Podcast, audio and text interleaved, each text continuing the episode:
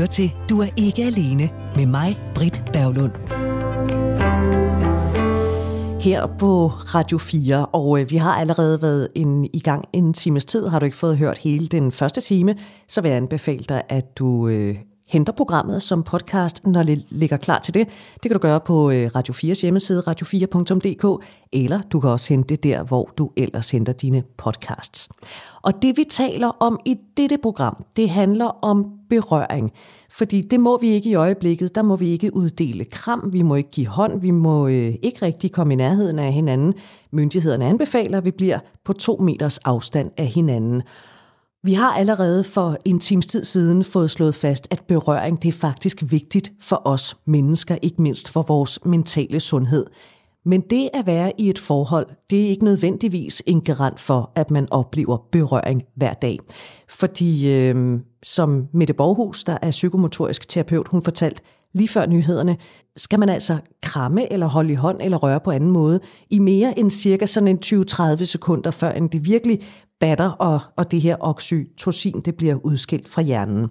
Nu skal du møde en kvinde, der både er forfatter og foredragsholder, og ikke nok med det, ja, så hun er altså også den kvinde, der for en fire års tid siden bragte kotling til Danmark.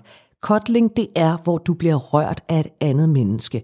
Det kan være ved enten at ligge i ske, eller det kan være med en hånd på skulderen, eller hvad man nu har brug for. Lad mig lige understrege igen, vi har nævnt det nogle gange i løbet af udsendelsen.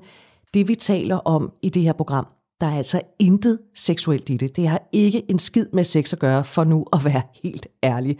Det handler ikke om at være nøgne og flette kønsorganer. Det handler om nærvær. Og som sagt, for fire år siden, der bragte Lucy Vitrup Kotling til Danmark, ja faktisk til hele Skandinavien. Lucy er stifter af Skandinaviens eneste Kotling-uddannelse. Lucy, velkommen til øh, Du er ikke alene. Tak skal du have. Du er jo ikke selv kotler, men du er den, der bragte kotling til Skandinavien, og du underviser i det. Var min beskrivelse af kotling god nok? Den var helt fantastisk. Og øh, især med understregning af, at det handler om nærvær og ikke seksuel øh, kontakt. Det er jo lige, det er lige spot on, vil jeg sige. ja, fordi hvor mange tror egentlig, at det handler om sex? Altså, i virkeligheden er der mange, der øh, jeg tror, der sådan lidt håber på, at de kan få noget øh, sådan øh, en seksuel øh, vibe, når de kommer til kotling. Øh, men, men vi gør det sådan ret tydeligt, ved at så sige, i, i alt, hvad vi kommunikerer ud om det, både når folk altså, booker deres tid og alt, hvad der hvad vi har skrevet om det, og øh, altså når jeg kommunikerer om det, så gør vi det sådan meget klart, at det er non-seksuel berøring. Så så, så, så på den måde kan man sige, øh, det kan godt være, at man alligevel har et lille håb om det.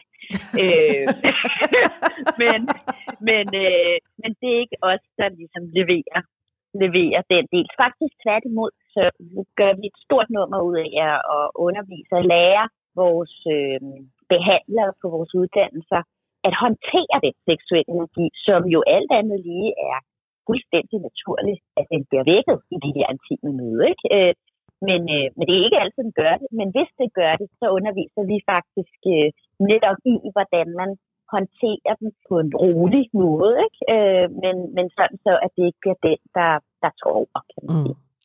Kotling, det kommer jo fra udlandet, og som sagt, så var du jo den, der bragte det til ikke bare Danmark, men til Skandinavien for, for fire år siden. Hvordan var reaktionen ja. dengang, du sagde, hey, prøv at se her, det her, det er bare mega smart? Jamen, øh, altså for det første fik jeg jo bragt hele, altså med kotlinguddanelsen fik jeg også bragt øh, hudsult som begreb på dagsordenen. Altså det var, det kendte man meget til i plejesektoren, og det havde været, altså, ligesom optrådt i den danske ordbog, jeg tror det var midt 80'erne første gang. Men folk vidste sgu ikke rigtigt, hvad husfuld var for noget. Og folk, øh, og, og det er så løgn. Folk kendte et begreb sådan, øh, som ord mm. i det gang. Men, og, og kotling, det var, der var mange, der tænkte sådan, okay, et, øh, hvorfor skal det hedde kotling? Hvorfor hedder det ikke bare kramning? Øh, og det var der en meget god grund til, fordi øh, jeg skulle finde, altså det vi underviser i, det er ikke bare kramning. Altså, kramning, kramning, det er ligesom, når jeg holder om dig, ikke? Hvis du var sammen. Hvis jeg var, øh, ja, altså, det er jo slet ikke, fordi det er radio, for det andet, så er det coronatid, men hvis nu vi var i samme rum, og jeg så skulle give dig en krammesession, så ville det jo handle om, at jeg ligesom omfavner dig på en eller anden måde. Ikke? Ja. Hvor at, at, øh, at kotling er, er meget, meget mere bredt øh, non-seksuel omsorgsfuld øh, berøring, som for nogen kan være, det kan være at få, få holdt øh, en hånd på skulderen. Det kan være at blive ædet i håret. Det, det er sådan en ting, øh, mange kvinder elsker. Har vi erfaret nu, at det er simpelthen ligesom at få ret håret med fingrene. Øh, ligesom, øh, jeg ved du kender sådan, fra man var man var barn, mange, øh, mange piger, der sådan kan huske. Øh, og så kan det selvfølgelig være at lægge skide. Og vi, vi underviser også vores kontor alt muligt, altså nogle, nogle forskellige former for måder at, at give berøring på, hvor man også kan vugge personen øh, ret, øh, ret fint faktisk, hvor man sådan bliver vugget. Øh, så, så ja, så, så, så, så, så, så, så så dengang, der var det sådan, der tror jeg, der var, der var lidt blandet. Jeg vil sige, medierne var meget interesserede, men kunderne havde svært ved at komme til øh, de kobler, som vi uddannede. Øh, også fordi det er jo enormt tabuiseret faktisk. Det er bare tabuiseret indtil corona kom, indtil vi alle sammen kollektivt kunne se, okay, wow, vi kan godt se, nu mangler jeg faktisk den her, det her fysiske nærvær. Øh, men, men indtil da, der, øh, der var der sådan noget lidt øh, stigmatiserende eller meget tabuiseret ved at sige, at man savnede fysisk berøring. Mm. Hvis nu og, man... der var mange, der... Ja. Ja, kom bare. Nå, der var mange, du ved, der sagde sådan, jamen det er jo noget, man skal... Nu skal man da først... Nu skal man... Øh, øh, hvad hedder det? Det skal man da ikke betale for, og nu skal man, det skal man da have derhjemme og sådan noget. Og det er jeg fuldstændig enig i. Det skal man nemlig have derhjemme. Øh, udfordringen er bare, øh, vi får det derhjemme, og vi lever i en tid, også inden corona, hvor, vi, hvor teknologien ligesom var den, der var, var at begyndt at komme mellem os. Ikke? Altså, det er jo nærmest nu i coronatiden, har man nærmest helt glemt det, hvordan det var dengang, man kunne være sammen. Men dengang, vi kunne være sammen, der sad vi og var meget optaget af vores øh, digitale medier. Øh, og havde en berøring også, øh, som var helt vild. Der var vi jo dengang, i gamle, gode gamle dage for to uger siden, øh, da vi kunne være i samme rum, så, øh, så, så, øh, så havde vi også en, en frygt, altså en enorm berøringsangst til virkeligheden. Altså enormt bange for, for, at hvis vi rører hinanden, så bliver det seksualiseret eller seksuelt fortolket. Eller... Så, så, så vi har været i den her krise i mange, mange år, altså hvor vi har været bange for at røre ved hinanden. Øhm, og det kom der så dengang, altså da jeg startede den her uddannelse for fire år siden, der var der meget sådan noget med, at det var jo også for altså, man kan sgu da ikke øh, have det godt, øh, øh, men man kan da ikke ligge i skid med en helt fremmed. Der var faktisk en blogger, der skrev, hun skrev sådan en super sjov faktisk, men hun mente det helt alvorligt. Hun sagde, ej, det var sgu da mere ting, der ligge i en skid med en fremmed, end det var knald med, man ikke kendte lørdag aften. Og det har hun bare så, og så lad os lige tage, tage den lidt videre, fordi forklar os lige, hvordan foregår kotling så?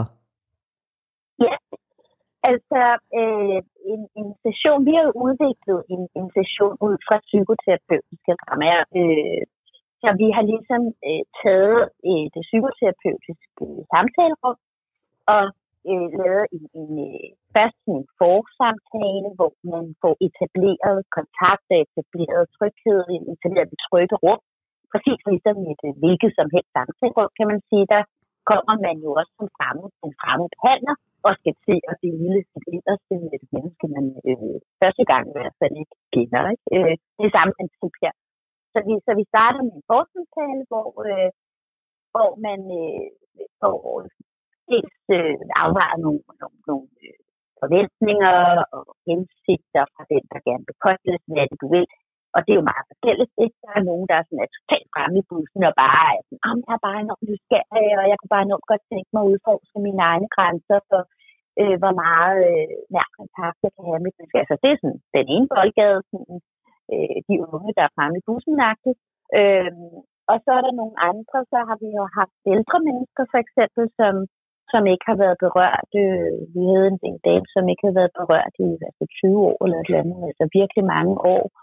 Øh, og hun, og hun ville bare gerne starte med at få en berøring på, på skulderen. øh, i de første par sessioner. Så det er sådan lidt forskelligt. Det afklarer man i, i den der årsamtale.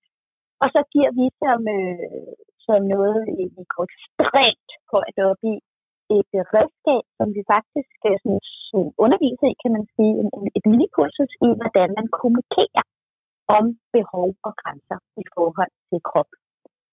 Øh, og det er jo en gave at give til hvilket som helst menneske, altså uanset om, øh, om de skal kottes eller ej, kan man sige. Øh, så får de den her lille, lille, lille metode til at kommunikere om behov og grænser. Øh, og så øh, øver man det lige lidt, og så foreslår Kotleren så, øh, så allerede der har man spurgt, vil du komme med et forslag til, hvordan det starter, eller skal jeg komme med et forslag? Langt de fleste vil gerne have, at Kotleren kommer med et forslag. Og så kan man gøre alt muligt. Man kan sidde, man kan, man kan ligge på, på sådan en øh, madras. Der er underkøbet nogen, der laver det på, øh, altså, på, på bricks. Øh, der er alle mulige former for, for fysisk berøring. Der, der, der, der starter sessionen, kan man sige. Mm. Øh, og opgaven er hele tiden at holde det ude af et sådan intellektuelt øh, øh, samtalerum, og, og bare virkelig at træde ind i den der, det fysiske nærvær øh, og i den omsorg. Og vores kotler er igen ligesom at øh, en psykoterapeut øh, som regel er drevet af et dybt ønske om at øh, hjælpe andre mennesker, så er det det samme med kotler. De kommer ud fra et dybt ønske om at give omsorg øh, via øh, berøring til andre mennesker. Det er, det, der, det er det sted, de kommer fra. Så vi underviser dem selvfølgelig, at, at når de giver den fysiske berøring, at de egentlig tager kontakt til øh, det, det, det, det er lidt længere øh, forklaring, men altså, de tager kontakt til det der, hvad kan man sige, et, et, et universelt kærligt sted i sig selv, eller et universelt moderligt sted, eller faderligt sted. Hvad det nu er, det, det arbejder vi jo individuelt med dem om. Ikke hvad, hvad det er for et, et sted i sig selv, de skal gå hen for at komme til det der givende sted. Men, øh, men så gør de det, og så afslutter man så med, at man, at man kan komme til at ligge for sig selv. Øh, tit når man har været sådan, det ved jeg, du kender, øh, men, men hvis man har været meget sådan, fysisk tæt med et menneske, så kan man godt have behov for lige at få, have sit eget space. Øh, og det giver vi også i stationen, tror jeg. Space, og så taler man bagefter om, hvordan det var. Så vi sørger for at man får et godt og trygt ud i verden igen. Ja, fordi det kræver jo enormt meget tillid, kan jeg forestille mig, at opsøge et fremmed menneske. Altså, hvad enten det så er, at man øh, gerne vil bare have en hånd på sin skulder eller på sin arm, eller eller ligge med et menneske, man ikke kender. Den der tillid, hvordan skaber man som kotler den tillid, der skal til?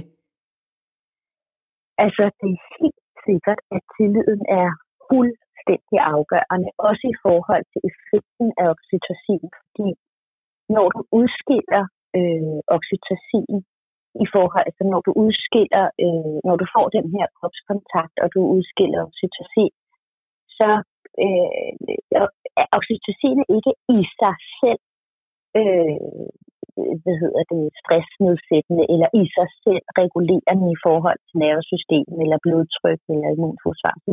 Det kan godt have den modsatte effekt. Så for eksempel, vi ved øh, fra forskningen, at hvis du har langvarig øjenkontakt, kan du også få udløst oxytocin. Men hvis du er utryg ved personen, så gør det det modsatte. Altså så forstærker det faktisk øh, den kritiske øh, tilgang, eller frygten, eller, eller stressen. Så derfor er det, altså, er det sådan, altså, der, der er sådan lidt en anden misforståelse med, om du skal bare have fat i din øh, oxytocin, og så tænke om, så derfor så skal vi bare rende rundt og kramme alle mennesker. Og det er simpelthen øh, virkelig øh, øh en fejl. Fordi hvis du krammer, hvis jeg sådan hvis du går på en mørk side, og kommer en person løbende mod dig, og, og vil kramme dig.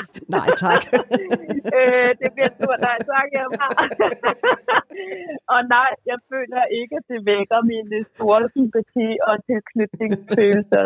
altså, øh, faktisk tværtimod, det bliver sådan en, der får min, min lave til at knytte sammen. Ikke? Øh, så på den måde, så, så afhænger af det her af alt, hvad der handler om fysisk berøring. Det skal vi simpelthen huske så meget, når vi taler om det. Det er afgørende, at det sker i en sympatisk og i et trygt rum. Øh, og det, det, som vi så, så, så underviser kotlerne i, det er, at det er rigtig meget, ligesom en psykoterapeut skal lære at håndtere sin egen tilstand, ligesom en psykoterapeut, der selv er ekstremt øh, i effekt, for eksempel, når så har jeg lige været på skinnet, så så er jeg helt op og ringe over, at det en eller anden min partner er helt vildt bred, og så går jeg ind til min øh, klientsamtale og overfører alt det, jeg vred på min partner over på min klient. Det er noget møg.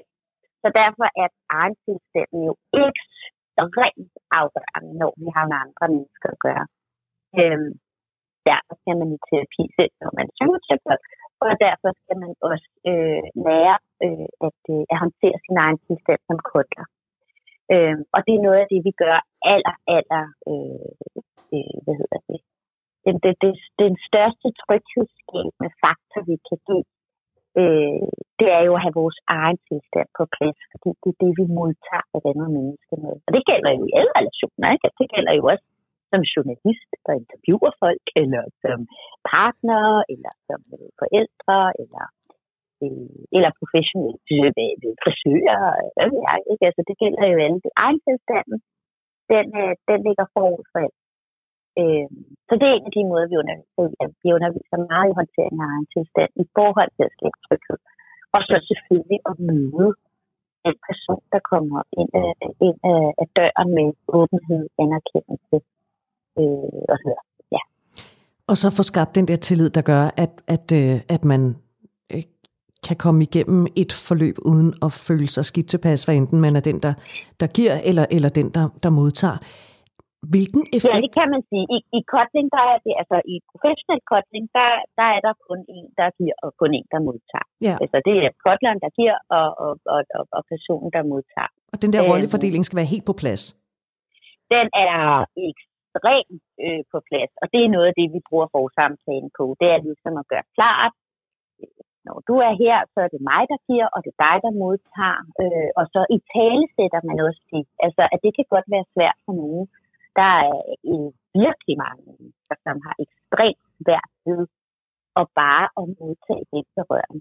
Øh, og også fordi det er jo anderledes det her, end at gå til massør. Der er mange, der siger, at du kan bare gå ud og få dig noget massage. Ja, det er rigtigt. Men det har, og det er rigtigt, du kan sagtens få din fysiske berøring, øh, øh, altså oxytocin, dækket ved at få massage. Men, men kotling er noget, har en anden øh, øh, følelsesmæssig dimension, og derfor bliver, bliver kotling også et, hvad kan man sige, det bliver også et terapeutisk arbejde, undervisning til psykoterapi, det er ikke det, men det har ligesom den her øh, terapeutiske øh, effekt, fordi det også du kommer også i kontakt med hey, hvordan har du det egentlig med at ligge der og, og, bare, og bare tage imod, uden at skulle give igen? Ikke? Det kender vi jo mest fra parforhold især, men mange relationsformer, kan man sige, det er sådan et give and take. Ikke? Når så giver du lidt, så får jeg, så giver men, men her er det, der skal du simpelthen ligge dig i udelukkende modtag. Så, så det, bare det, det er kun et eksempel på de psykiske lag i det, som, øh, som skal håndteres. Og de skal håndteres af en professionel kotler selvfølgelig, som, som, som bliver undervist i også at sætte ord på det, der foregår. Så, så vi, vi, har ikke, jeg har, vi har endnu ikke haft et eneste eksempel på nogen, der har ligesom følt sig utrygge. Eller, fordi det er noget af det allerførste, det er, at man skaber et sprog for for eksempel utryghed eller ubehag eller grænse, øh, grænse der er med. Sådan, altså, ikke? Du lytter til Radio 4. Lucy Vitrup, lige nu der skal vi jo holde os på afstand af hinanden. Det anbefales, at vi øh, holder to meters afstand, og også så vidt muligt, at vi bliver hjemme hos os selv. Det kan godt udløse en eller anden form for ensomhed. Øhm, den der ensomhed, hvordan sætter den sig i vores sind? Altså, det er fuldstændig afgørende, at vi alle sammen nu forstår, at vi er flokdyr, vores hjerne er givet til at være en del af en flok. En gang var vi afhængige af flokken for at overleve. Det er vi ikke mere sådan i praktisk forstand. Vi kan godt både øh, få mad og, og, og børn og have tag over hovedet, uden at være afhængige af andre. Men vi har nu en social afhængighed af andre, og vores hjerne freaker totalt ud, når vi er i oplevet social isolation. Øhm, og ikke når vi er alene, fordi der er folk, der tager ud og mediterer i, øh, i skoven eller på et bjerg i 30 dage og du ved, øh, synes det er bare blive så føler sig forenet med Gud og den indre fred, der breder sig ud over det hele. Og de er jo alene. Øh, men de har ikke en oplevelse af social isolation. Nå, lige så snart vi har en oplevelse af social isolation, så freaker hjernen ud, og så har vi det, vi kalder for ensomhed, eller vi betegner som ensomhedsfølelse. Øhm, og, og, og, og det, der sker lige nu, det er, at vi oplever sådan en, en kollektiv, eller det sker jo afhængigt lidt af, om, om hvor man er henne, hvor presset man er på den fysiske del. Øh, fordi der er jo desværre også nogen, der lige nu ligger på hospitalet, og den skal vi huske på alle sammen. Øh, ja, sende en kald tanke. Øh, men, men også der, der ligesom i gåsøjne bare går derhjemme. Øh, vi oplever en, øh, en, en diffus, altså hudsult, som er, hudsult er jo ikke sådan noget med, at så vågner jeg en dag og siger, nej, hvor er min, øh, hvor er min hud bare sulten i dag. Det, det er ikke sådan, det er, men altså, vi vågner ikke op. øh, men, men, sådan, øh, men, men det vi gør, det er, at vi mærker en, en, en diffus længsel, vi mærker en, en, en, en, en, sådan en, en følelse af, at vi mangler øh, noget nærvær. Øh, og det er altså igen, det er vores hjerne, der begynder at sige, uh, alarm, alarm, alarm, der er trussel, der er trussel, der er trussel. Det er der jo ikke. Vi dør ikke af det. Altså, når vi dør ikke af ikke at få fysisk berøring, og vi, og, vi, og vi dør heller ikke konkret af at være øh, alene, men vi dør af at opleve os socialt isoleret. Mm. Og når jeg siger, at vi dør af det, så lyder det enormt dramatisk, men, men desværre så, øh, så er, det, altså, er der virkelig mange studier, der sådan ret tydeligt peger retning af, at, at de stresshormoner, som det udløser at føle sig socialt isoleret, altså føle ensomhed, og, øhm, og det kan man jo også hænge sammen med, at man ikke får fysisk berøring. Altså fordi når vi ikke får fysisk berøring, så føler vi, at det kan lede til ensomhedsfølelse og depression. Øhm, de stresshormoner, det forhårede blodtryk, øh, som det medfører at føle sig socialt isoleret, øh, det forringer vores øh, helbred så meget, så der, der, der er virkelig mange studier, der ligesom peger retning af, at det øger vores risiko for for tidlig død øh, med ret mange. Altså for hjertepatienter er det 90 procent, så det er, sådan, det er rimelig hæftigt. Altså at være ensom er øh, ifølge nogle studier set, altså peger de hen imod, at det er lige så farligt som at ryge 15 små om dagen. Så vi skal virkelig tage det alvorligt, det her. Altså, altså mega alvorligt. Og det er ikke kun at få dækket sin hus. Altså, det er ikke kun at få fysisk berøring. Det handler meget om den psykiske forståelse af at være en del af en flok. Øh, og, og dem, der ligesom, dem, der tager den der meditationstur op på bjerget, de er jo stadigvæk øh, del af, så er de jo del af Gud. Og det kan man sige, hvis man ligesom er del af, af Gud eller universet, eller sådan, så er man så er man rimelig godt dækket ind på følelsen af samhørighed. men så er vi helt op i den store samhørighedsklinge, ikke? Øh, men, men, men, øh, men ellers så har vi brug for at føle os som en del af en flok. Og det er det, tiden jo lige nu kalder på. At vi bliver enormt, vi bliver virkelig inviteret til at, at, at blive meget opmærksom på, hey, hvad skal der egentlig til i mit liv, for at jeg føler mig som del af en flok? hey, hvad betyder det der med fysisk berøring egentlig? Hey, hvordan kan jeg egentlig have mere non-seksuel fysisk berøring med mine kollegaer? Hvordan kan jeg, når jeg sidder over for dig i en professionel sammenhæng, hvordan kan jeg lægge min hånd på din arm og sige, og hør, åh, hvad er det der? Det forstår jeg virkelig godt, eller ej, hvor er det en god pointe. Forskel på at bare gøre det, mens vi sidder over for hinanden, eller jeg sætter min, min hånd på din underarm og siger, hey, hvor er det en god pointe så får jeg, så får jeg anerkendt fysisk, og jeg får skabt en, en, en, en anden øh, forbindelse, øh, som altså ligger lige for. Det koster ikke noget. Det, det er ikke, du behøver ikke at gå til øh, øh kotling for at begynde at, at udvide din palette af at, øh, at have non-seksuel fysisk berøring i din hverdag. Øh, du lærer det til kotling. Altså, Øh, men du behøver jo, du, du, det er jo noget, det er bare, det, det er et mindset, som er enormt vigtigt, at, at vi bliver bevidste om, Og det kalder, altså hvis der er noget, tiden inviterer til nu, så er det, at vi bliver bevidste om, hey, hvad gør vi egentlig? Hvad kan vi gøre nu, for at, øh, at melde os ind og føle, at vi er en del af en flok? Både fysisk og følelsesmæssigt og socialt. Det synes jeg lyder som en rigtig god mission. Den kan vi jo lige så godt bruge tiden på nu her, hvor vi de fleste af os øh, sidder hjemme. Fordi vi må jo ikke mødes, Lucy Vitrup. Vi må ikke kramme. Øh, vi må ikke rigtig noget inden for to meter af hinanden. Den der oxytocin, som, som hjernen udløser, hvordan kan vi få hjernen til at, at udløse den, når nu den ja. er så vigtig for vores velbefindende, når vi er i den her situation?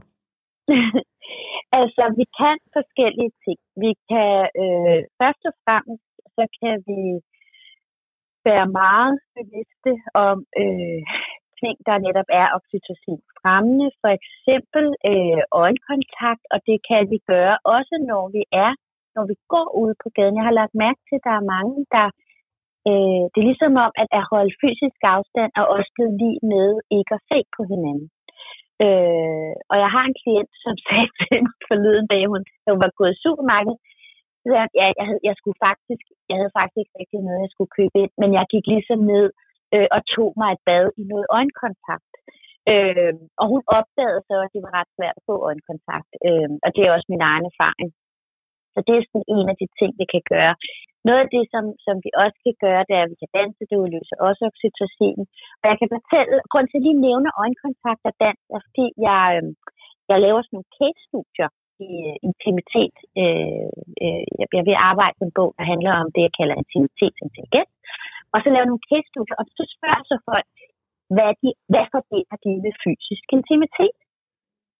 Og stort set alle forbinder fysisk intimitet med nærværende øjenkontakt. Og det synes jeg faktisk er ret interessant, fordi der er jo ikke nogen fysisk berøring. Nej. Altså, vi rører jo ikke. Det er jo ikke sådan, når nu tager jeg min eyeball op i de eyeball, og så eyeball, det lyder, vi har eyeball gnidning, eller det er jo ikke sådan, det er, men altså, det er, vi, vi står jo simpelthen, øh, men, men, så det, det, er, det er jo faktisk ret bemærkelsesværdigt. Og så weird er det så ikke, fordi det udløser oxytocin, når vi har langvarig øjenkontakt med nogen, som vi føler os trygge ved. Øh, og alle detaljerne er vigtige. Ikke? Altså, det, er ikke, øh, det dur ikke at have... Øh, altså, hvis du har langvarig øjenkontakt med nogen, du føler dig udtrykt ved, så er vi jo ude i en virkelig anden situation. Ikke? Altså, ja. så føles det truende. Eller sådan øh, og, og der er også noget af det, øh, som de nævner, og det har også en forklaring, det udløser oxytocin. Så er der jo selvfølgelig det her med at, røre ved sig selv. Øhm, og, og det, der er med at berøre sig selv, der øh, er mange, der siger, og at man skal bare røre sig selv. Og det er faktisk, vi skal lige, det er rigtigt, men vi skal lige have nuancen med. Fordi øh, hvis nu du forestiller dig, øh, at jeg sådan klapper dig helt vildt hårdt på kinderne, eller du klapper dig selv, det er jo selvberøring selvfølgelig, ikke? Sådan, hvor man klapper sig selv helt vildt øh, ligesom Tante Oda gjorde, da man var lille. Hej, lille skat, det var lidt med at klapper. øh, eller ligesom man faktisk også ser i gamle dage, jeg ser det blandt andet i, i, i områder, hvor man ikke er så bevidst om kvaliteten af fysisk berøring, hvor de sådan klapper de gamle mennesker, eller sygeplejersker, det har jeg prøvet flere gange, og så ligesom blive sådan klappet på, på hånden, sådan, hey, øh, jeg er ikke en hund, jeg er et menneske, så jeg vil rigtig gerne, jeg vil klappe, jeg vil gerne berøre. Nå, og det har vores hud rigtig meget brug for. Den her, det, der sker, når vi klapper i huden, det er, at vi vækker nervesystemet. Så det bliver sådan helt alert. Ikke?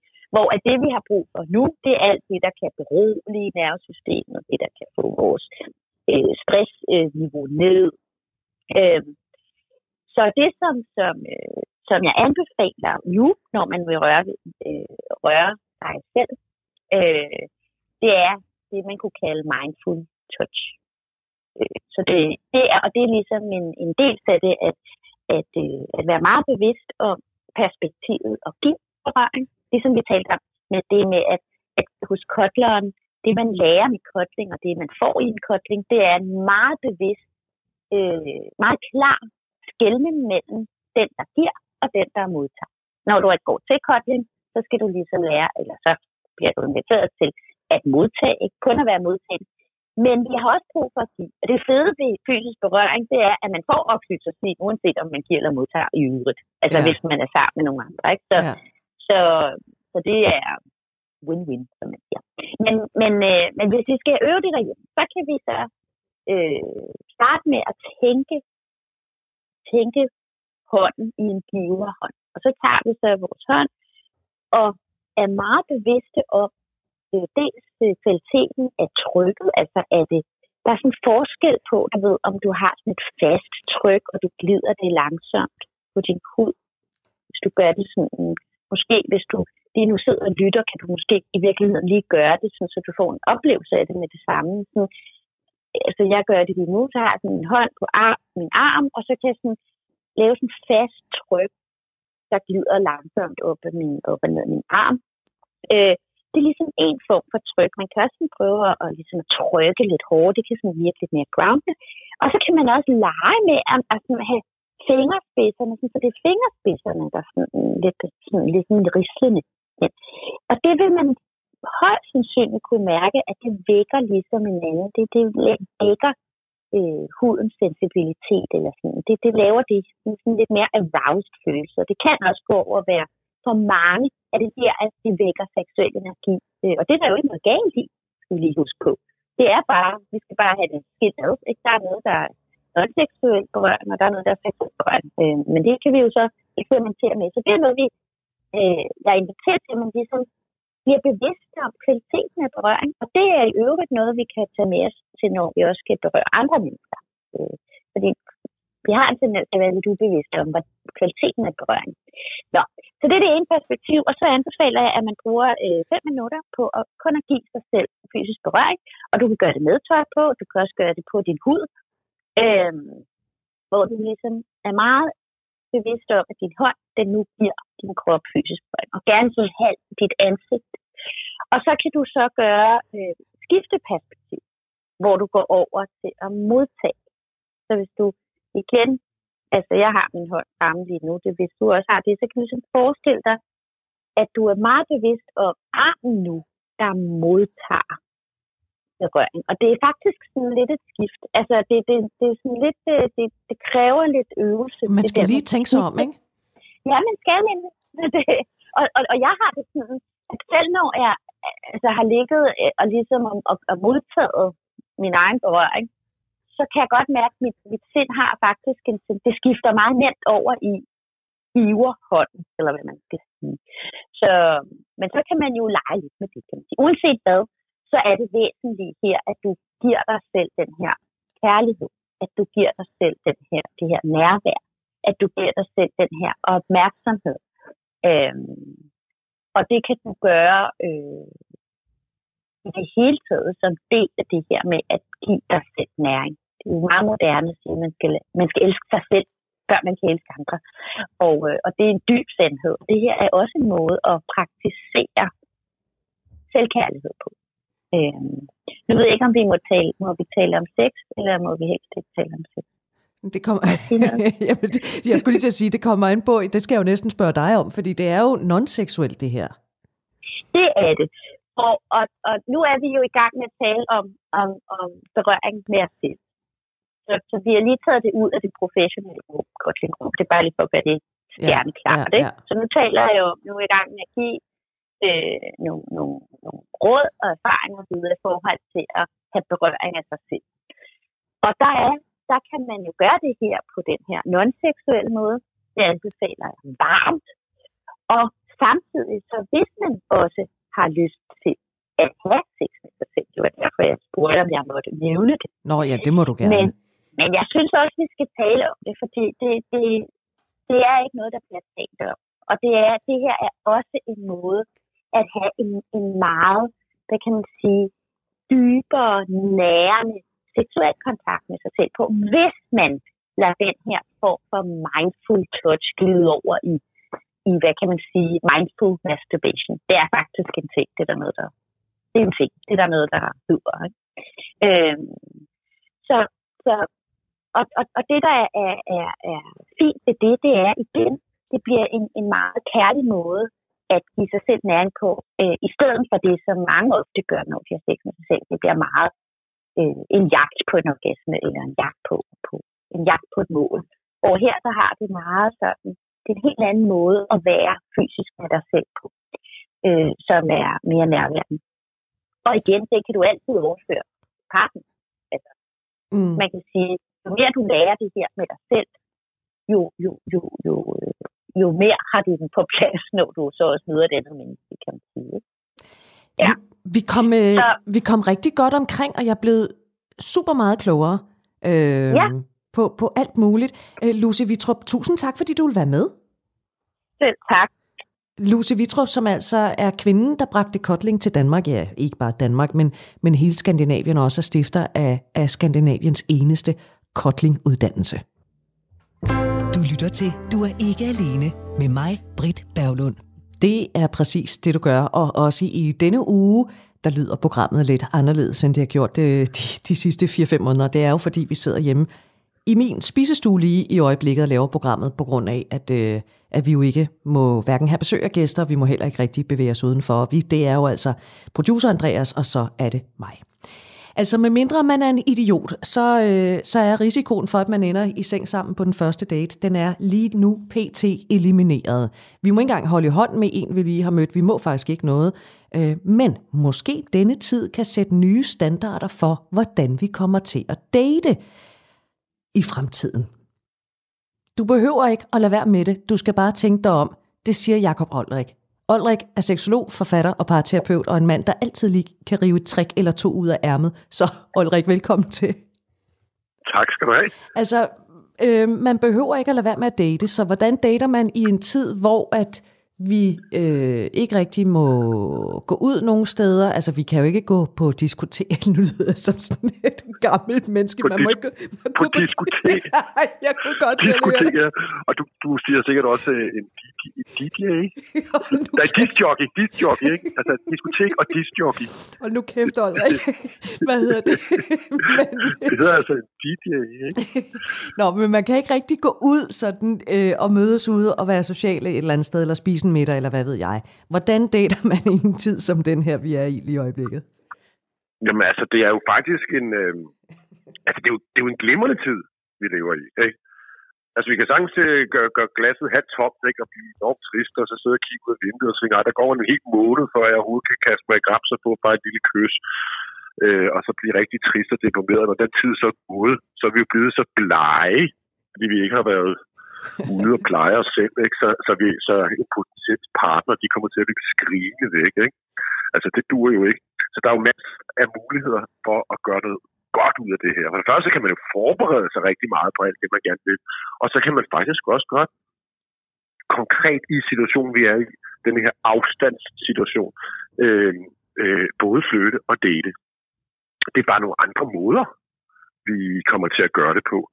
Og det er jo i virkeligheden meget kærkommen, at der er nogle andre måder. Fordi at jeg hører i hvert fald meget den her lidt drøghed, træskhed, der kan komme over datinglivet. Ikke?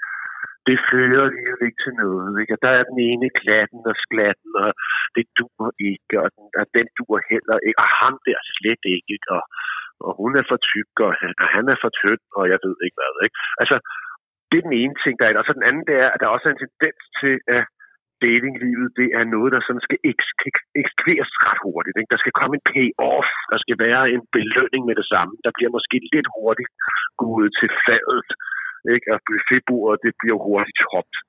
Altså, der er sådan en tendens til, at, at det simpelthen går for hurtigt. Ja, ja. Øh, og, ja, ikke? at det simpelthen bliver eksekveret for hurtigt det hele. Og det kan man jo sige, at her er der i den grad en kærkommen lejlighed til, at vi kan give os det lidt ro, gøre det lidt langsommere det hele. Måske endda være lidt fordybet i det. Øh, så, så jeg synes egentlig, jeg ser det egentlig som et, et, et ja, udover det kæmpe store sociale eksperiment, vi er i gang i, så er det også en mulighed for at eksperimentere med at date på nogle andre områder. Så vi kan ligesom øh, gå, gå tilbage til de gamle datingdyder med, at, øh, at man kan have noget kommunikation, hvor man ligesom bygger en eller anden form for relation op, eller man kan blive lidt mere nysgerrig på hinanden, og så kan man mødes, og i og med, altså som jeg sagde, med mindre man er en idiot, så kommer man ikke til at knalde. Altså der er ikke risikoen for den der, åh, må man det på første date? Nej, det må du faktisk ikke lige i øjeblikket. Men den kan Men, måske ja. også noget, den der med, at man ligesom bygger op, og så øh, kan man gå og kigge til hinanden i løbet af nogle uger.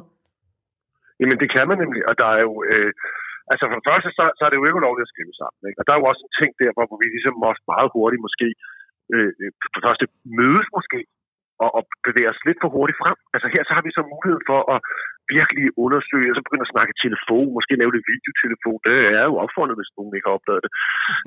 At man så kan faktisk være sammen på, på nogle andre måder, og bruge lang tid på at undersøge hinanden. Lang tid på ligesom at, vi kan jo kalde det det romantiske rum. Ikke sådan romantik, hvor vi sådan bliver øh, virkelighedsfjerne, men sådan rom- den der stemningsromantik. Ikke? Altså vi sådan virkelig kan bygge, bygge en fløjt op, som der bliver så glohedende, at den uh, det bliver spændstigt det her. Ikke? Altså, det bliver virkelig sådan noget, der kommer endorfiner, de bliver allerede rundt i kroppen, inden man overhovedet har mødtes nærmest. Ikke? Og udover det, så er det jo altså heller ikke forbudt at mødes. Det, det er ikke rigtigt. Det har Mette altså ikke fortalt. Nej, nej. Hun har sagt, at vi skal holde to meter afstand. Ja. Ikke? Og prøv lige at se nogle sjove dates, det bliver. Ikke? Find et eller andet øde sted, og så gå en tur sammen med to meters afstand. Ikke? Måske gør man det flere gange i den her periode. Det kommer over til at blive helt sindssygt, ikke? at det er sjovt, det med, at de må ikke røre hinanden, ikke? og man har bare så meget lyst til at dufte og røre og kramme og knuse, ikke? og man må bare ikke. ikke? Altså, det er det, der hedder tantra-dating. Ikke?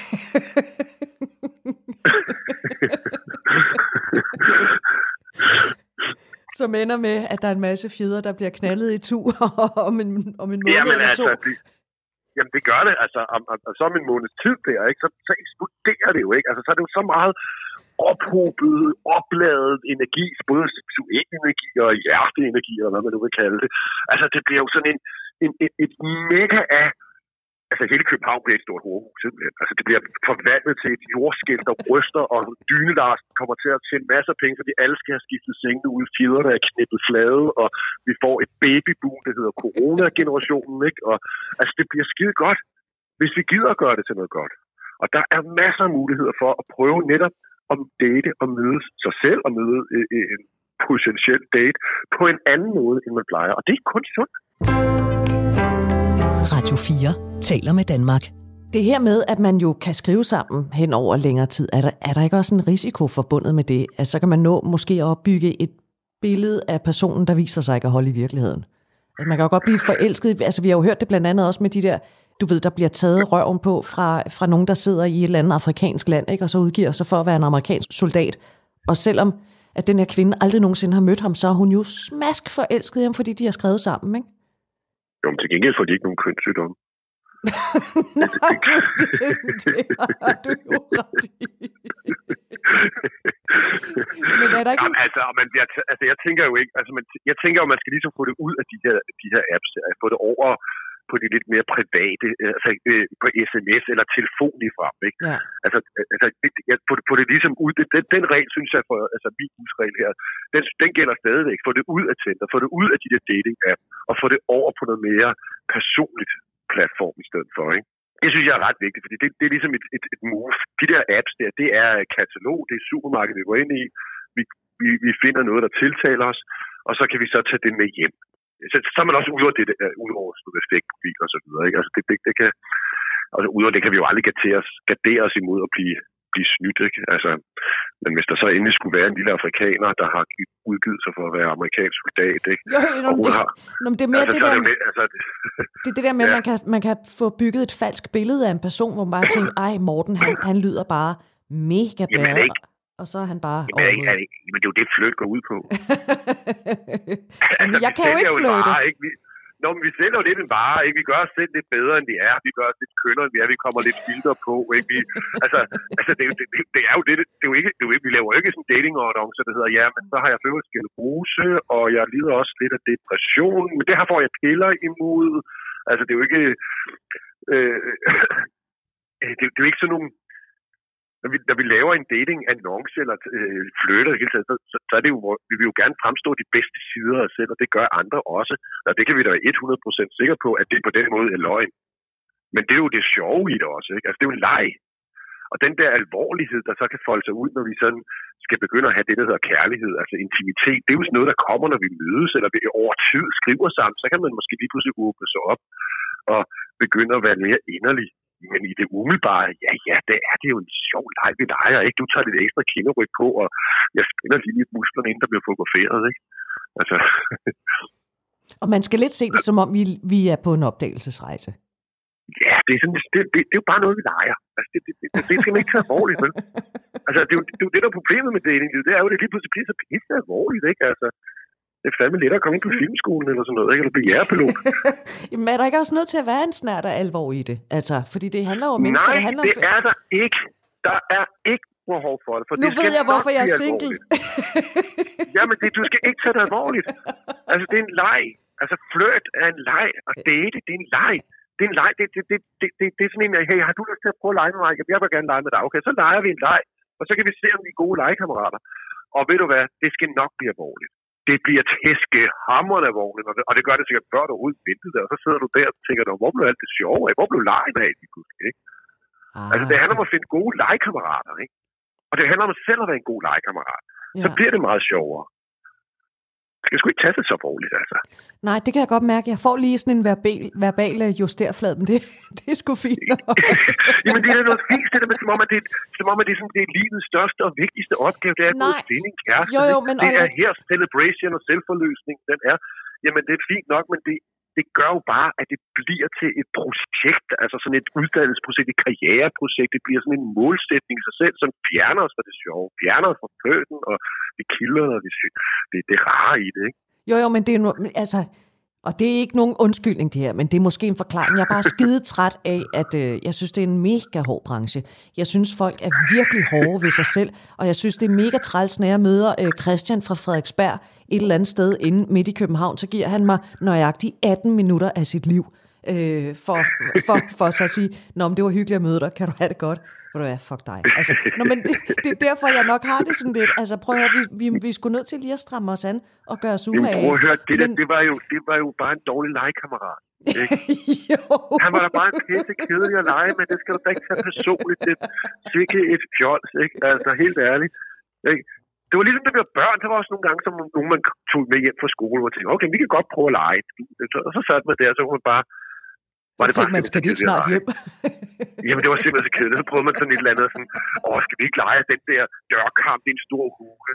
Nej, det er altså bare en dørkamp, ikke? sagde personen så, ikke? Altså, du ved, der slet ikke kan gå med i lejen, ikke? Og vi har lidt forskellige typer lege. Det kan være, at han, han er sådan en, der godt kan lide at lege voksen. Ikke? Sidde der sådan, altså, ikke? Og, og du er sådan en, der godt kan lide at lege Pippi Langstrømpe, ikke? Altså, så, Mm. ja, fint nok. Gå du hjem og vær voksen, så finder jeg en, der er, der er Ronja Røverdatter med i stedet for, ikke? Ja. Altså, så det, det, det, altså jeg tror, det, vi befrier os selv for meget ved ligesom at se det lejende i det. Det undersøgende lejende, sådan, det, det, der er noget barnligt i det her. Øh, fordi hvis vi kommer til at ligesom gøre det, det der sådan karriereplanlægning, ikke? karrierekærlighedsplanlægning, at det bliver sgu lidt drøjt, ikke? Altså, det bliver fandme sløjt, og plus, at vi, vi, vi, vi frarøver os også selv evnen til i virkeligheden at møde andre mennesker, fordi så kommer vi jo til at have sådan en præfabrikeret øh, plan over, hvad det er, der skal foregå, og hvad der ikke skal foregå. Ikke? Sådan et gat-skema, vi kan sidde og interviewe hinanden udefra, ikke? som om det var sådan en optagelsesprøve til selveste mig. Ikke? Du er på optagelse til selveste mig. Ikke? ja. Altså, det, det er jo... Jamen, jeg, Det, kan, det, fjerner jo, det fjerner jo alt ud Jamen- af en fløt og en date. jeg kan godt høre det, når du sidder og forklarer det. Altså, det, det, det giver så meget god mening. Øhm, at vi, vil- Nå, men det gør det faktisk. Og det er heller ikke, fordi jeg gider være tørvetrilleren, der siger, åh, oh, hold da kæft, det er bare en dørkarm. Altså, det har jeg faktisk ikke lyst til. Men jeg synes også Ja. bare, at der er rigtig mange øh, idioter ude på det der marked, som, som ikke, altså, som er dårlige legekammerater. Ja, Og så laver man legeaftaler, så gider de fandme ikke engang dukke op, mens man står der med shibetår, kridt og hele skidtet, ikke? det er der. Der er dårlige legekammerater, og nogen, der ikke er særlig gode til at lege. Mm. Men så fandt du ud af det. Altså, det er jo ikke, det er jo ikke dig, der er gået glip af noget, vel? Det er sgu da den tørvetriller, der er gået glip af noget. Ja. Ikke? Men den tid, Altså- vi har nu, den kan vi så bruge på det der med lige at, øh, at få opbygget en, en lille flørt. Øh, det kan man så google, hvordan man gør det. Jamen, den, den, den bliver jo ikke lille, den bliver jo kæmpestor, ikke? jo, jo, hvis den hvis man- vokser så altså- stor. Ja, jo, altså, der vil jeg faktisk godt give godt råd, at det her med, Ja. ja. men man må godt være ærlig. Altså godt melde ud med det samme, hvad der er for en leg, man gerne vil lege. Vil du gerne være med til at, at flirte i, i tre uger? Og jeg gider ikke sådan noget med, at du så ikke svarer i tre dage, når jeg lige har krænget mit hjerte ud og skrevet og, og set det brystbillede. Det. det gider jeg simpelthen ikke. Du skal, være, du skal synes, det er sjovt, det her med, at vi ligesom i tre uger bygger sådan en corona op, ikke? altså, Jamen, det er ud med det samme. Altså, sige, okay, det vil jeg sgu gerne, ikke? Jeg, jeg vil sgu gerne, ikke? Jeg, det synes jeg lyder sjovt, ikke? Og så, så man kan få lov til at prøve at bygge, bygge noget op på den måde. At lave noget mere spændstigt, i stedet for at det hele tiden skal forløses. Ja, Det er- eller være pisse alvorligt. Ja, eller hvad pisse alvorligt, det skal det endelig ikke være. Ja, jeg kan, jeg, du, altså, du sætter virkelig mine tanker i gang. Jeg kan mærke, og det er derfor, jeg bliver sådan lidt stille indimellem, fordi jeg sidder virkelig og tænker over det.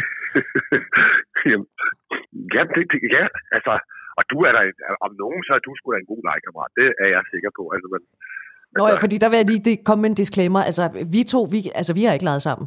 Altså, der er ikke nogen, der må tro, vi har leget sammen. Det er bare så, der ikke er og nogen, der det, tænker... nå nej, altså, Altså- kun i radioen har vi. Ja, ja, ja.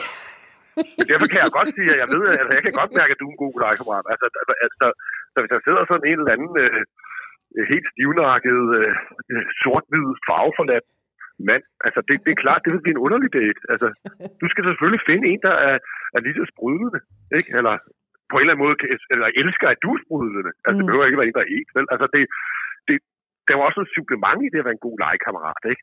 Altså, det kan være, at den ene er lidt mere øh, talende, men den anden er måske virkelig god til at være grinende og, og, og, og omvendt, ikke? Altså, og den anden er måske vildt god til at være opfindsom. Nej, skal vi ikke bare, øh, skal vi ikke bare sidde på havnekajen her i, med 3 meters, 5 meters afstand?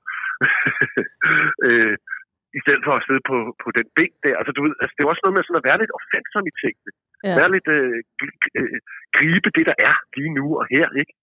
Øh, og det er jo også det, der, man kan sige, vores afstand lige nu, corona-afstand, den giver en mulighed for, at vi, vi ligesom kan gribe nogle andre måder, andre måder at, at formulere os på, eller tale til hinanden på, eller øh, udvikle lidt øh, uh, telefonsex. Det er jo ikke umuligt at have sex. med altså, det er faktisk vigtigt, at vi har sex. Vi Skal have, altså, i virkeligheden, den måde, vi kommer ud af hele det her på, det er knaller til os det. Ikke? Altså, det er jo jamen, det er det. Ikke? Og det, det jeg mangler med det og fortæller. Ikke? Hun siger, jeg er glad for, at I hører efter. Det skal hun sige. Ikke? Hun skal sige, jeg er glad for, at I hører efter. I er så lydige og autoritetstro borgere. Det er jeg rigtig glad for. Men husk nu at få knaldet godt og grundigt igen. Altså, det mangler hun at sige. Og det er altså ikke kun pjat, jeg siger det. Det er videnskabeligt bevist. Altså, par, der knaller to gange om ugen, altså har god sex to gange om ugen, de har 30 procent bedre immunforsvar. Det er meget. 30 procent. Ja, det er virkelig meget. Der er er noget, vi lige i den her tid godt kunne tænke os at få noget mere af, så er det immunforsvar. ja, lige præcis. Og det får vi ved at flytte og knalde. Ikke? Og når man så er single og sidder der, og du er ikke alene, for der er mange af os derude, ikke? så er der masser af mulighed for sex. Der er for det første, den hedder onani, ikke? og det er jo kærlighed til, en, man virkelig elsker. Det skal man huske på. Ikke? Mm. Det er jo det, onani er. Ikke? Det er jo virkelig en, som man... Masser af det. Telefonsex, ikke? Det gode gamle telefonsex, det kan man pludselig indføre. Ikke? Ha' en telefonsex-elsker. Ej, hvor er det dejligt at høre din stemme. Altså, hvor man taler helt dybt ind i røret, ikke? Og man beskriver sådan, hvad den anden, hvad man godt kan lide, og hvad den anden gør ved en. Og når du siger sådan, så bliver jeg så hård og stiv, og det giver gåsehud over hele kroppen. Øh, hvordan, hvordan mærkes det hos dig? Du ved, det bliver så liderligt, det er så rart, det er så sjovt, det er gammelt, og det er fedt. Ikke? Så kan man blive lidt mere avanceret, og så gå over på videoen, ikke? hvor man så har den det der lidt mere pixeliderede sex, er jeg også sikker på, at der er masser, der har fundet ud af, at gud, man kan da faktisk godt have sex over telefon og med videotelefon og sådan noget. Ikke? Det er da skihammerende sjovt. Ja, ja. Altså, lur mig, om der ikke er nogle, øh, nogle idérige opfindsomme typer, der allerede har luret den. Jamen altså, jeg skulle jeg til at sige, at jeg har et helt... Øh, jamen, det skal jeg selvfølgelig ikke sige, men altså, der er, altså jeg, jeg mærker, at der er en lyst til de her ting. Altså, der er en, en, en kæmpe lyst til det, som, så der er ingen grund til at holde sig tilbage med at komme med nogle skøre idéer og være lidt, øh, en, en god legekammerat. Fordi øh, vi har alle sammen brug for at lyst til at blive reddet ud af en, en halvdeprimeret trummerum, eller sådan en låst fasthed, som der måske afstanden godt kan føles som. Mm. Så Så- vi skal bare give den gas også på datingmarkedet. Ja, vi skal da give den gas på alle områder, og så skal vi jo bare lige tage de forholdsregler, der nu øh, er udstukket. Ikke? Men det er jo, der er, ikke, der er ikke nogen, der har sagt, at vi ikke må have sex, vel? Og det er altså sundt at have sex. Det skal vi have. Ikke med fremmede selvfølgelig, vel? Men på de måder, vi nu kan have det. Der er ikke nogen, der har sagt, at vi ikke kan date. Der er ikke nogen, der har sagt, at vi ikke kan flytte. Altså, det er ikke blevet ulovligt endnu. Så lad os skynde os for helvede at gøre det, inden det bliver det. Tak, Olrik, fordi du vil komme med den melding. Det er jeg rigtig glad for. Kan du have det rigtig godt, min ven? Tak, og lige måde. Og god flyt derude, ikke? Jakob Olrik, som knæ- parterapeut, seksolog og forfatter, og det blev det aller sidste, vi nåede her i uh, Du er ikke alene. Husk, du kan skrive til os, ikke alene, radio4.dk. Tak for nu. Programmet er produceret af Pibesovs Productions for Radio 4.